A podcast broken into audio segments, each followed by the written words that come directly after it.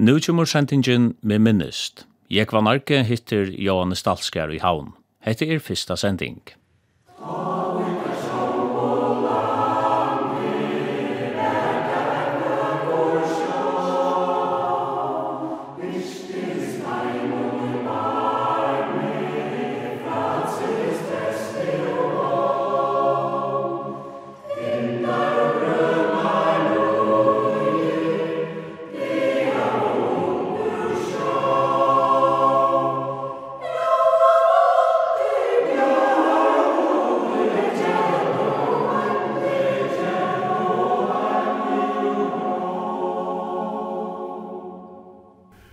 Chester tjókne der er Johannes Dalskar i Havn, til at han Johannes Dalskar som arbeider i husholdningsgrunnen. Jóhannes, er atlai a byrja vi å spyrja deg hva er muneren av Dalskar og Dalskort? Det har man lagt mest til at det er tvei løg etter nøvn, men ikke helt luk. Det er så løs at uh, Abbemoin er Elbasa, han kommer ur Skalavik, og han hefur haft navnet Dalskort, Men uh, forfrøtter hans hadde Johannesen, så han nok haft Johannesen eisen bjoi. Men uh, sinen er ikke honom. Dion, Olaur og Valbjørn kjøpte seg navnet Dalskjær. Så la seg komme vidt eida Dalskjær. Men uh, hin greine, no, som man sier, har framvid haft Dalskjord. Og det halda ditt faste på? ja, som han sier kjemte, vi da kjøpte for 30 kroner 55 som de slår slå leiva bruka det. Du nevner til at uh, dette her navnet kommer ur Skalavik. Han er Abedun Verk, hvor var han? Han var nevnt ur Johans Akloali. Han uh, kom til uh, Velbasier. Familien til honom hei et festi av Velbastia som han ivetog og ble så bønt av Velbastia.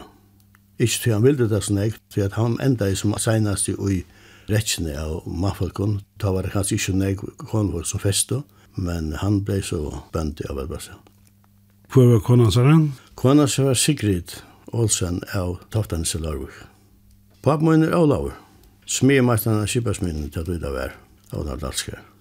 Det var flere brøver. Ja, det var Dion som ble bønt i 18 av Feinsvinn. Og så var det Valbjørn. Så var det siste treet. Det var hans sina, Hon gyptes til Tvørøyre, og så var det Kata. Hon giftes i han Sjakov Heimbro. Og så var det Fuja, hon giftes i Albert Niklasen. Og var Anna, hon giftes i Napoleon Pedersen og Sørvaje. Det var det søstrene. Mamma då en var hon? Mamma hon kommer ur Sandavai. Hon kommer ur Sandavai, ja. Hon uh, fer så til Havnar, Athena, og møter så just den unga mannen Olav. Og det ble så vel og ble gift. Hon ble kallet for denne Men uh, hon uh, er Mary Kristina Matilda. Hon var syster Gudmund Gudmundsen som først vi sjålades under Islandet da i 41.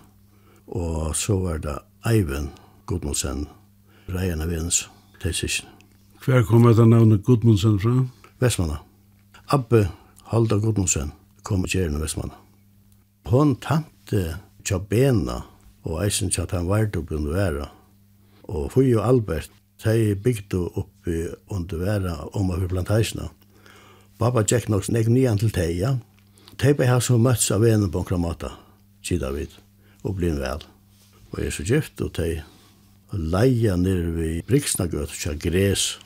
Her ble så heiltje siste min eldsta, og jeg født. Da enda for i fjørde, ene fjörde. frida de så ute i Rattara, i Grautusen her som de standa enn som Valmond Lutzen han fyrdukkan, og det de eia nu. Ja, så kom han her til, og her hadde vi det ekkelig godt, i alle måter. Dette her er under krøynen? Jeg er født 11. november i 1930, så at det var mitt under alle boldren man tar, avfriren, hermen og lurar og bomber og Lincoln City og alt det her som ble bomba over. Han tog det sin tungt. Kjente du noen folk ut i rettaren? Ja, vi er ikke borte. Vi kjente alle de rettaren. Særlig at de Valman Lutzen, Gamla og, og Mågas Lutzen. Gamle Valman bygde oppe i Signagøt og Mågas Lutzen og nere. Og så alle de grannalene her som vi kom og sammen vi.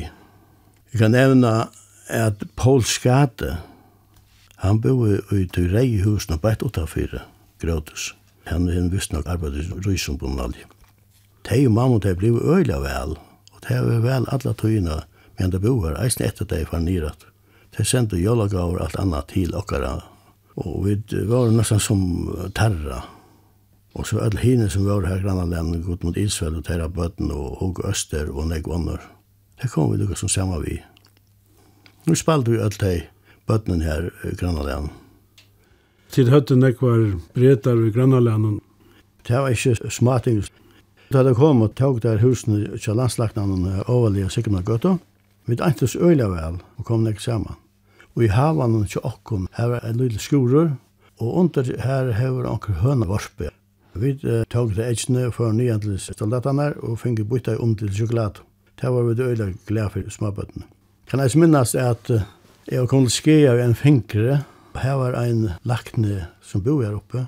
Han var eisen blei en vele vi okna nere. Han kom oman og leie bindom og kvart i det som her var neiot, og jeg blei frusk, men farvi sykjast enn av fingrene, han tva. Så der ofte han marsjera etter venon, og det kom eisen fire, at uh, avvengar luren ulde, Og så var det om å komme i et bombeskole, og det bombeskole var i nyere hatt i til bygningen her som brenne, kål og temper og alt det her var det med var. Arbeidsfeltet her, det var altså vinsalt i alle måter, og jeg minnes at det er ene ferna, jeg var for oss løy til det, Johanna Lava bær med inn i bombeskole. Vi spalte vel saman Valdemar og Kim og Herluf, men han var sin yngre. En av her så, nå, nå nu er snart dronken blir vekk i Johannes hver måtte han være? Det var jeg leite, og det funnet han ikke. Og så papen arbeidet av kjipasminne, for alle kjipasminne jeg leite. Lengt til lunge så kom jeg til Ujater, og da har jeg vært sammen med Valdmar eller Kim. Inne tja Valdmar og spalt vi båtar i bergkaren. Glevar ødsjående da jeg kom til Ujater. Alt her åttan om hadde jeg fra Kruno. Det er helst gjørst her at uh, mamma hever vår øtta fyrir okkon ødlun. Og så trattar jeg bant vi, var bensfri at jeg får blama nok tøy, kanskje er jeg færen til eisne, men uh, hun heldig så til at, nei, nei, let meg heldig sleppa meg av en av dronje vestle og mamma syne og pappa syne sandavei. Så jeg får vestle til om og abba, ta er en uh, seks år gammal. Hva gjør du pappa din? Han byrja nok lærere og arbeidde ute under bakka til Wilhelm Nilsen og Wenzel Pedersen. Så færa tar Sundebakramat, Wilhelm Nilsen fer att sälja bilar och og så. Men en vet han fortsätter vi smya. Men da er det så Kjartanborg og Kibasmyen och alt det. Och han flyter så av Kibasmyen och fortsätter her. Och blev så avlärt ur smyr och arbetar här och i mannamunne. Han eh, blev smymästare sættene och var smymästare som skilte till gavst. Han var sjukran i ukäng og ta av Torbjørn som i uttag med han. Nu var det så läs att Aige var några minuter fra han och komma från Skibasmid och Aige tätorten tog. Han hei så en bil av Gina Vi som han kallade til Døvra. En sin sidan så tok han kjøpt seg en knallhäst. Men annars gick han fra Aige av som vi platt å si, i Fossen og hemkök någon handave och ett hospitalsvän och ett arbeids. Ta igen så var fan Genka og lura som sette knallhästen eisne. Han får ut til Døvra, ta i Døvra tog inn vära med det Mamma var klar vid døvranen, og han var alltid skiten i alle klavene og sånne, og hun sier bare, hva skal sette i stålen? Vi legger ikke en avis under det, så sier du her og får ta etta. Og så får han hjemme etter, og han tok omgang til langere tøy enn det var nøyot. Jack precis ut og precis hjemme så at alle folk hadde året at man kunne sitte klokkene etter Olav til han før kom. Han sa at tog var hjemme i Sivasvin. Han arbeidde fra tullja måtene til sent av kveld. Jeg kan minnes han sjaldan heima fyrir klokka 9.20 kvöld. Han var alltid tøkur, hvis det var nekka, så var han heima kipasminne til det som var nøyut. Og så han det arbeidet som han kunne ikke gjøre heima, det kom så nesten i ærerik. Men mamma var overfor i alle sånne måter. Han fikk sina løn gjennom konflutte, konflutte, Det var Wilhelm og Jakob som stod for tøy, og han bærer han så trolig ut til mamma, Han fikk nok øyre til å kjøpe seg bom og snusfire, men annars var det henne, og hun ordnet alt det fortjellige. Vi pleier å si at han var fine fortjemaler og arm, som man sier. Han ordnet alle finansene. Det kom jo an til sås fire at båtar, da skip, kom i maskinskria, og at uh, silinderen og motoren var rivende. Kjartan han helt här att Olav skulle fære Danmark skal lära sig till att reparera hessa här riven av. Han får snyer att lära till att meta lokka, meta lokk, halde det kallast. Og det er nok det ene sferer man vet om at det arbeidet vil kjørst. Det var hans oppbygging som metalokkare. Han var gammal så han gav sammen for han er forsvar. Han arbeidet i trusjøret i Kjøpasminnen og fikk medaljene fra drottningene vi trykva tjenester som Paul Mora i innsillan til.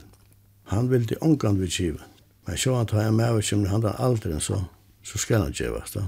Han heida på tannvatan at.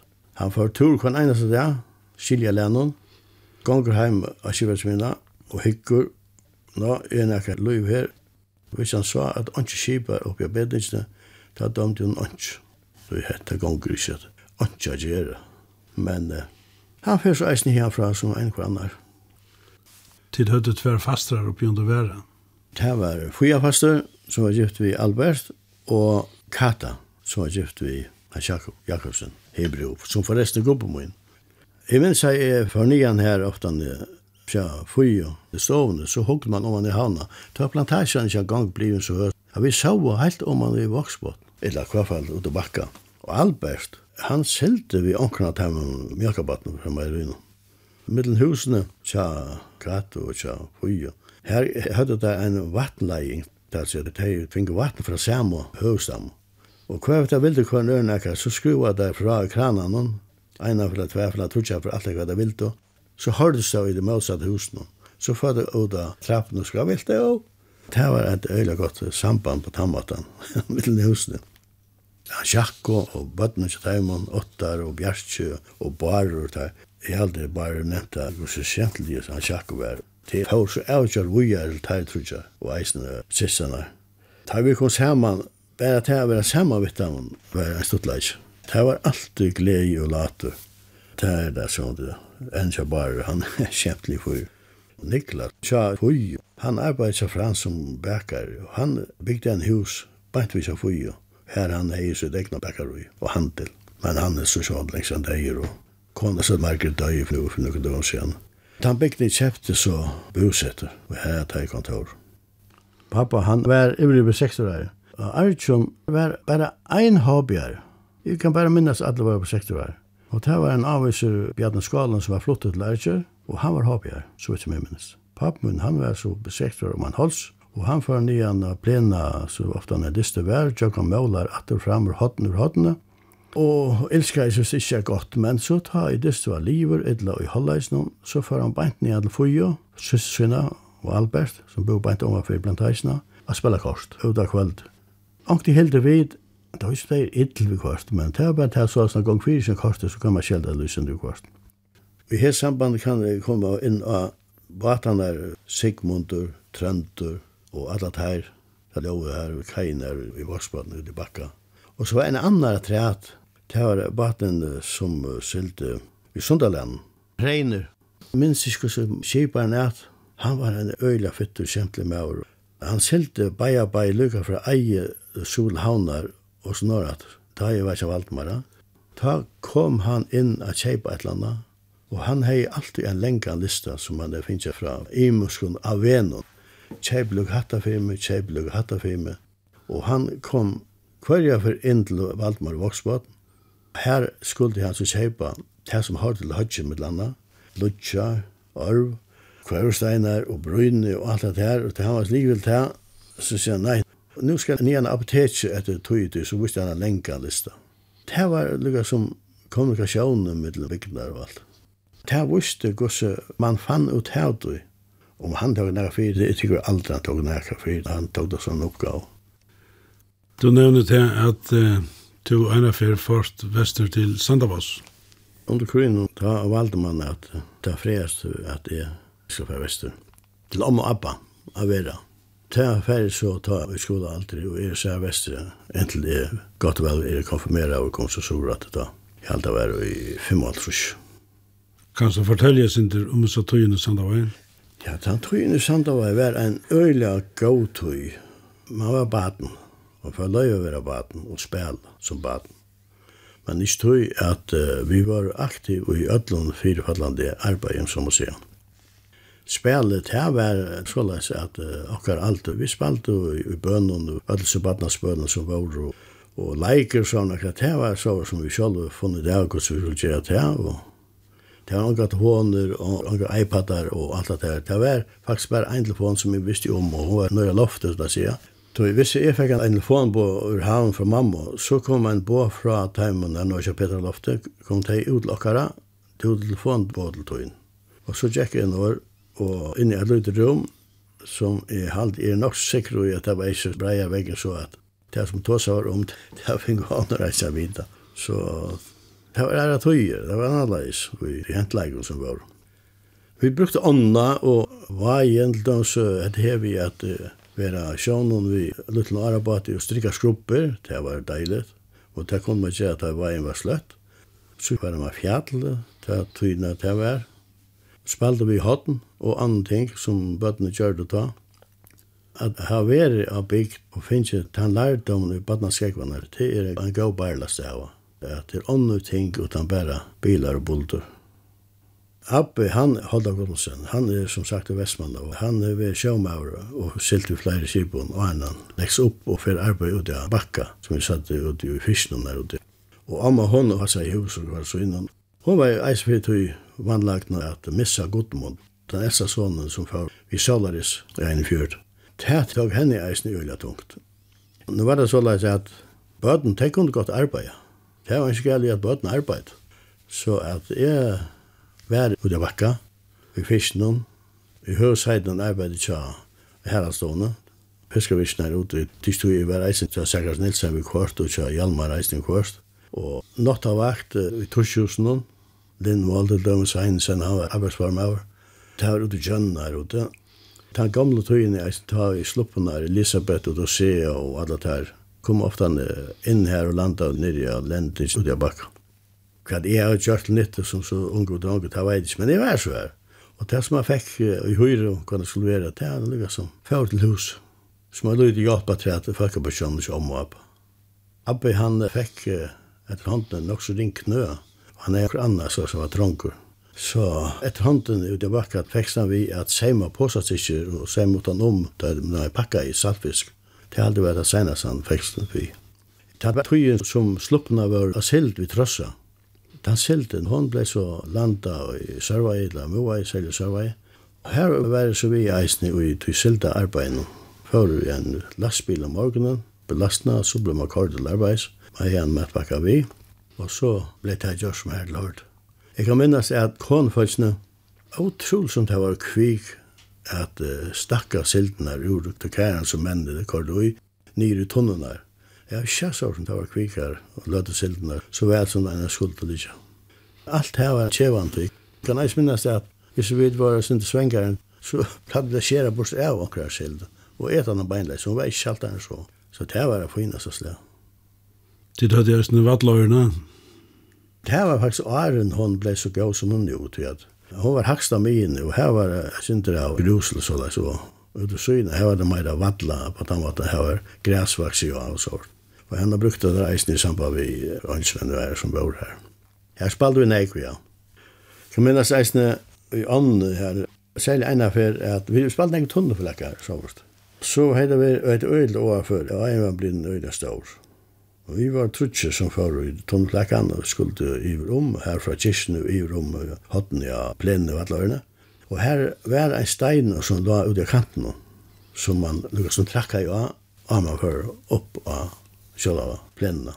Og jeg skal så være ur. Steinen var så djupt nere at det var snakk flau i ånda. Ja, det grint ikke, og jeg datte tog, og jeg får om av i ånda. Og jeg kom så opp at det tog en, vi kom nå, ja, en, en sånn sandbakka her. Akkurat han dronjen var kom om, han var rennande heim etter hjelp, men det var alltid i steg langt. Det var så heim og skifte klær. Jeg fikk torre klær på. Men uh, annars spel dra og så for om hans hand og her er hon en lenka gummisola Og vi er ut mot alt någon det er klart stand mot alt någon så at det ble skumpa om kadel Der fikk jeg en kamraträtt og så att ni han kjøpte men du halde det jag undan med klæven så att jag måste bara poja jag måste sang til det var tatt natt. Som jeg nevnte så var det gå der söndag Man spalte det som man kunde spela vid alla forskjelliga. Jag minns att Sandren, han var så stor att det tecknade en fotbollsvall upp av Haxefjör. Om man visst är fullt mål, det var det inte, men han var stor nog till att spela fotboll då. Och här spalte det vuxna fotboll emot uh, Mövungon, Sörvungon eller Eisne Hermann som nu en av det var. Men uh, Sandren så hade minkat i, tog att uh, hermennene tog nok sand til veger og andre anlegg i øytene. Tid til det faste laven i Sandavai. Å, oh, Jesus, ja. Altså, jeg vet ikke at jeg, i det kjeipa det alle mulige klatninger, utlyskon ting, ta i tøyen, ta gjør det med alt sjolvor. Man strika i tekna i et eller annet pakk og krøst på høtte, og så var sommer som var så overfører, det er eldre unge, må man si, teenager. Det var anker av dem som var ferdig i klæger, hei, så på anker måte med å bonde tære og passer, det skulle være fjøretrødla, og en lenkan gjerra atterur. Og man får så at han og hånden kjøkken bygden, og det var øyeligt. Selv hvis jeg ikke sammen med øren. Ødel var ikke så glad for dette her, at genga gryla, at det var sint. Og så var vi inne i einenhusen, Mauer var inne, og kjøfter, bo vi her. Og vi benka på, så brester horen opp og mauren, det enkre, kommer ut og knøy i hånd, og renner etter åkken. Og vi får noe som bygden da. Han var så nær vi at de fikk akkurat fætre en pela og snæra om pelan og han på boi er han som møtsatt av veater, Og i tar ikke for boi i det husene i flere dager at han var. Hugde alltid hva han måtte være og er før nakra vi. Så det er bare en sånn parster av fastelavsalt. Her platt det være stevna her vestri i Vavon. Ja, så det var sånn at stevnan her vestri, hon kallas for våa stevna. Og etter at vestmanna kom på, så ble det vestanstevna. Her var nek tiltøk av våa stevna. Jeg minnes at uh, det var hattalåp. Unge drønster og jenter kunne løypa opp om en, band. Her var så et kjepa saman som man brukar i filmleidje, så lenge som tegna en av våre, og her skulle man løypa hattalåp. Sikker Petersen, læreren, han sier bare kjepa for sånn. Og han finnes til vea en sværa bambustravo, som ikke løtta man kan bruka og som ikke sterska, og her skulle man så vidare høgt man kan løypa. Drønge var kommet ur havn og skåtar og alt sånt, her skulle kappast, og så var det nere Lutle Sandastrongren som var Johans, han skulle være vi. Lugga mykje, vi lå på eit lengt og anna breit, og Sigur fyrir på en krakk og sette naglan i oversta hål og bandi om, og jeg leiv opp om det som han ikke holdt etter. Så jeg fikk en medalje for det. Jeg minns pappa min var kommet vestra at vi tja, og så spurte folk, du, hvor er jeg snar drongren? så brente han brinken og sa at, at sånn må inn, sier han. Og at denne skiftet med til bygdene, det gjør han enn. Jeg minns han i Sørva i en affære, og da var det langt av lopp, det er som. Det var her nere i sanden og någonstans. Det var at det her vi at videre kvar kunne løpe langst. Det var eisen det da at jeg fikk medalje for jeg at han som løp langst av loppet. Så jeg fikk medalje og bæg ta og eisen vi hadde loppet i Sandavai. Aktiviteten var nekvar. For så var jeg eisne i kapperåret. Jeg var ikke som rekvar, men var råsmaur. Og i ørnene. Men vi ble alt nummer tvei. Men jeg var ombord, så jeg var nekst åttelig innanfor idrott. Spalte håndball. Jeg var som til havnet og spalte på kjentel og kom til Vestens Handavaks og spela. Det ene ferien av minnes jeg at uh, jeg halte var samme distalje. At uh, knapple fikk jeg foten i reivene. Det var hans ærne, Nilsen. Du lusende ferdig havnet han sparka mig och läser fra. Det var mål da det är som det var så avgörande distor. Jag minns akkurat urslitet, men det var öliga næra. Og en av okkar skjeid og Jan var mål, tja sandagsmannen, han passet av at bøtteren var ikke kommet i mal. Det var så trål man brukte, ja. At han var kvar en han var utanfyr. Men vi passet sjånt at han var kvar en mal. Så kommer han Petersen, ikke en smeiris, bare eldre, Ludvig. Han bor i det gode gulhusen her på steg.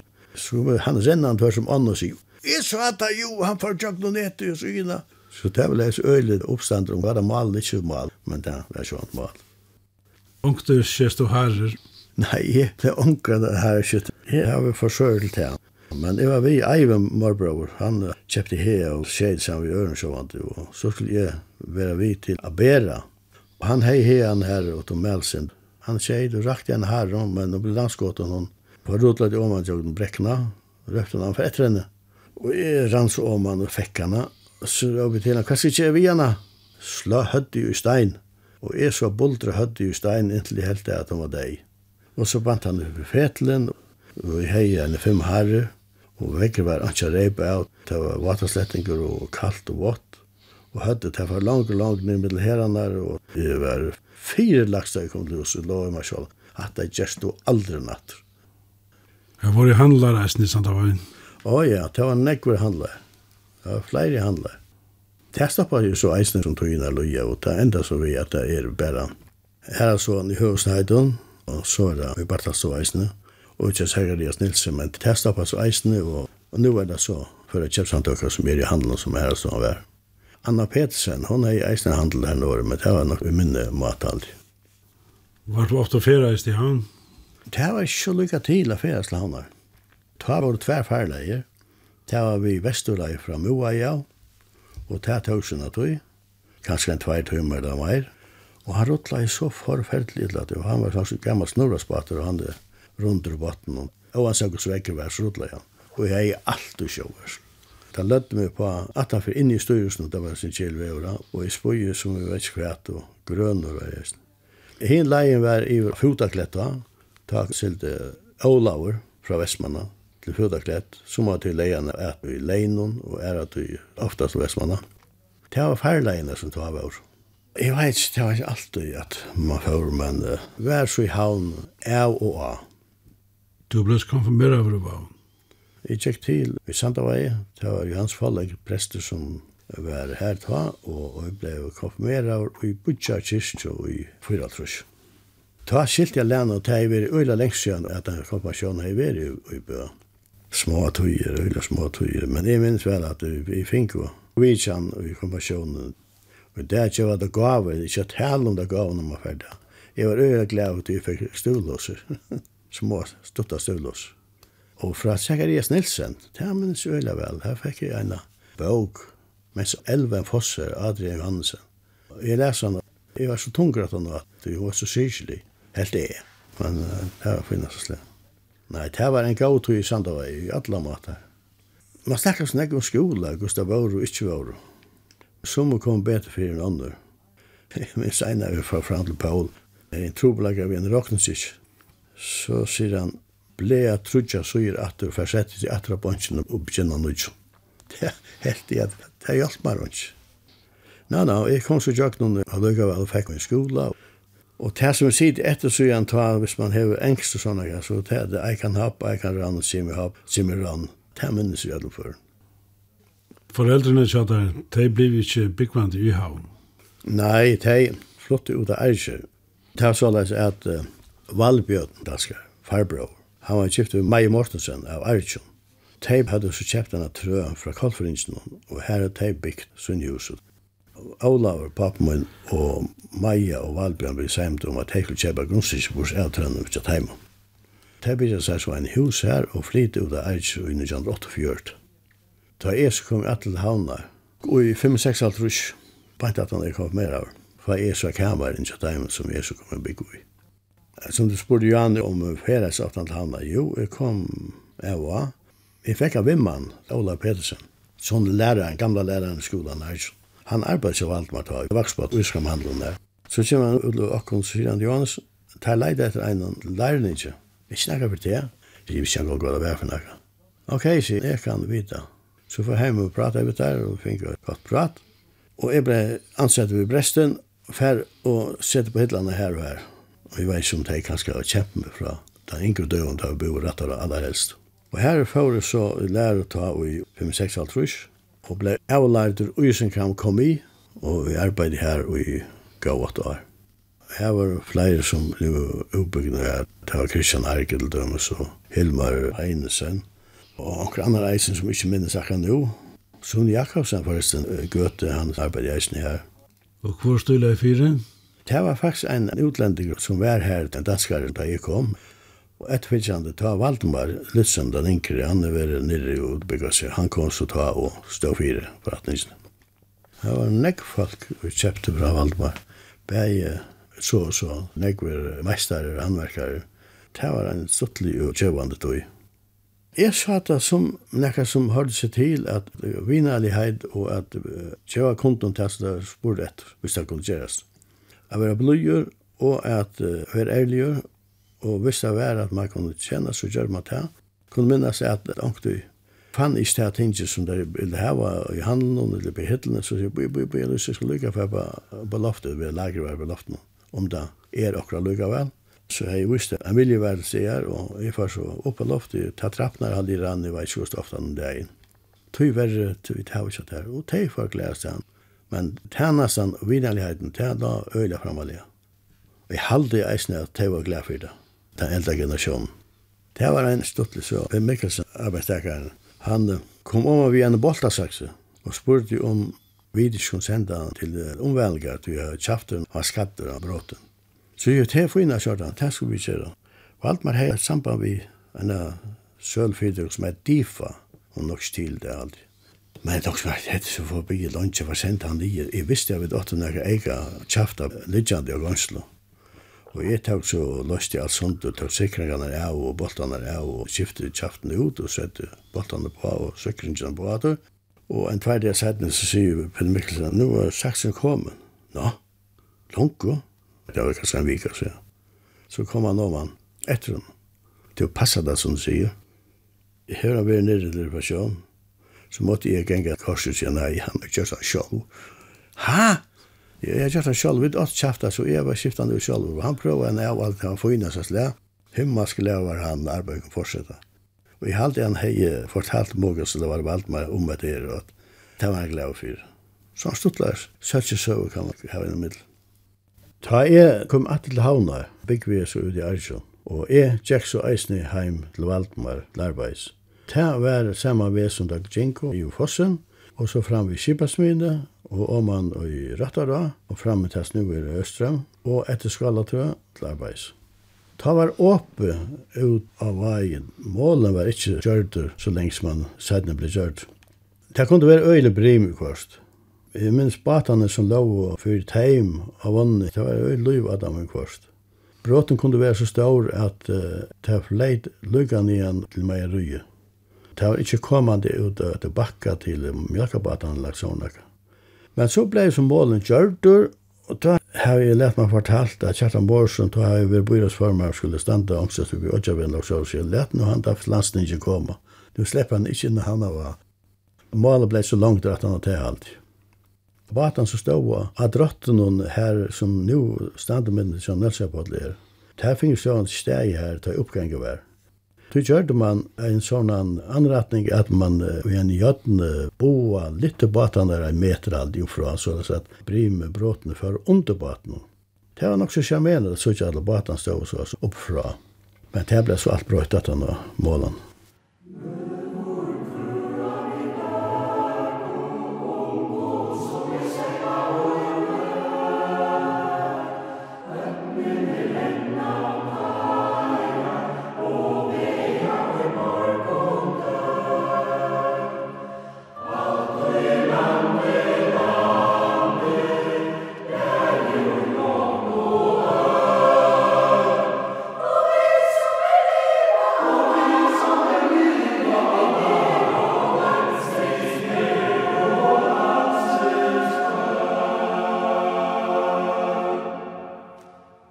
Hatta vær sendingen med minnest. Jeg var narke hitte Johannes Dalskær i havn. Hetta var fyrsta sending.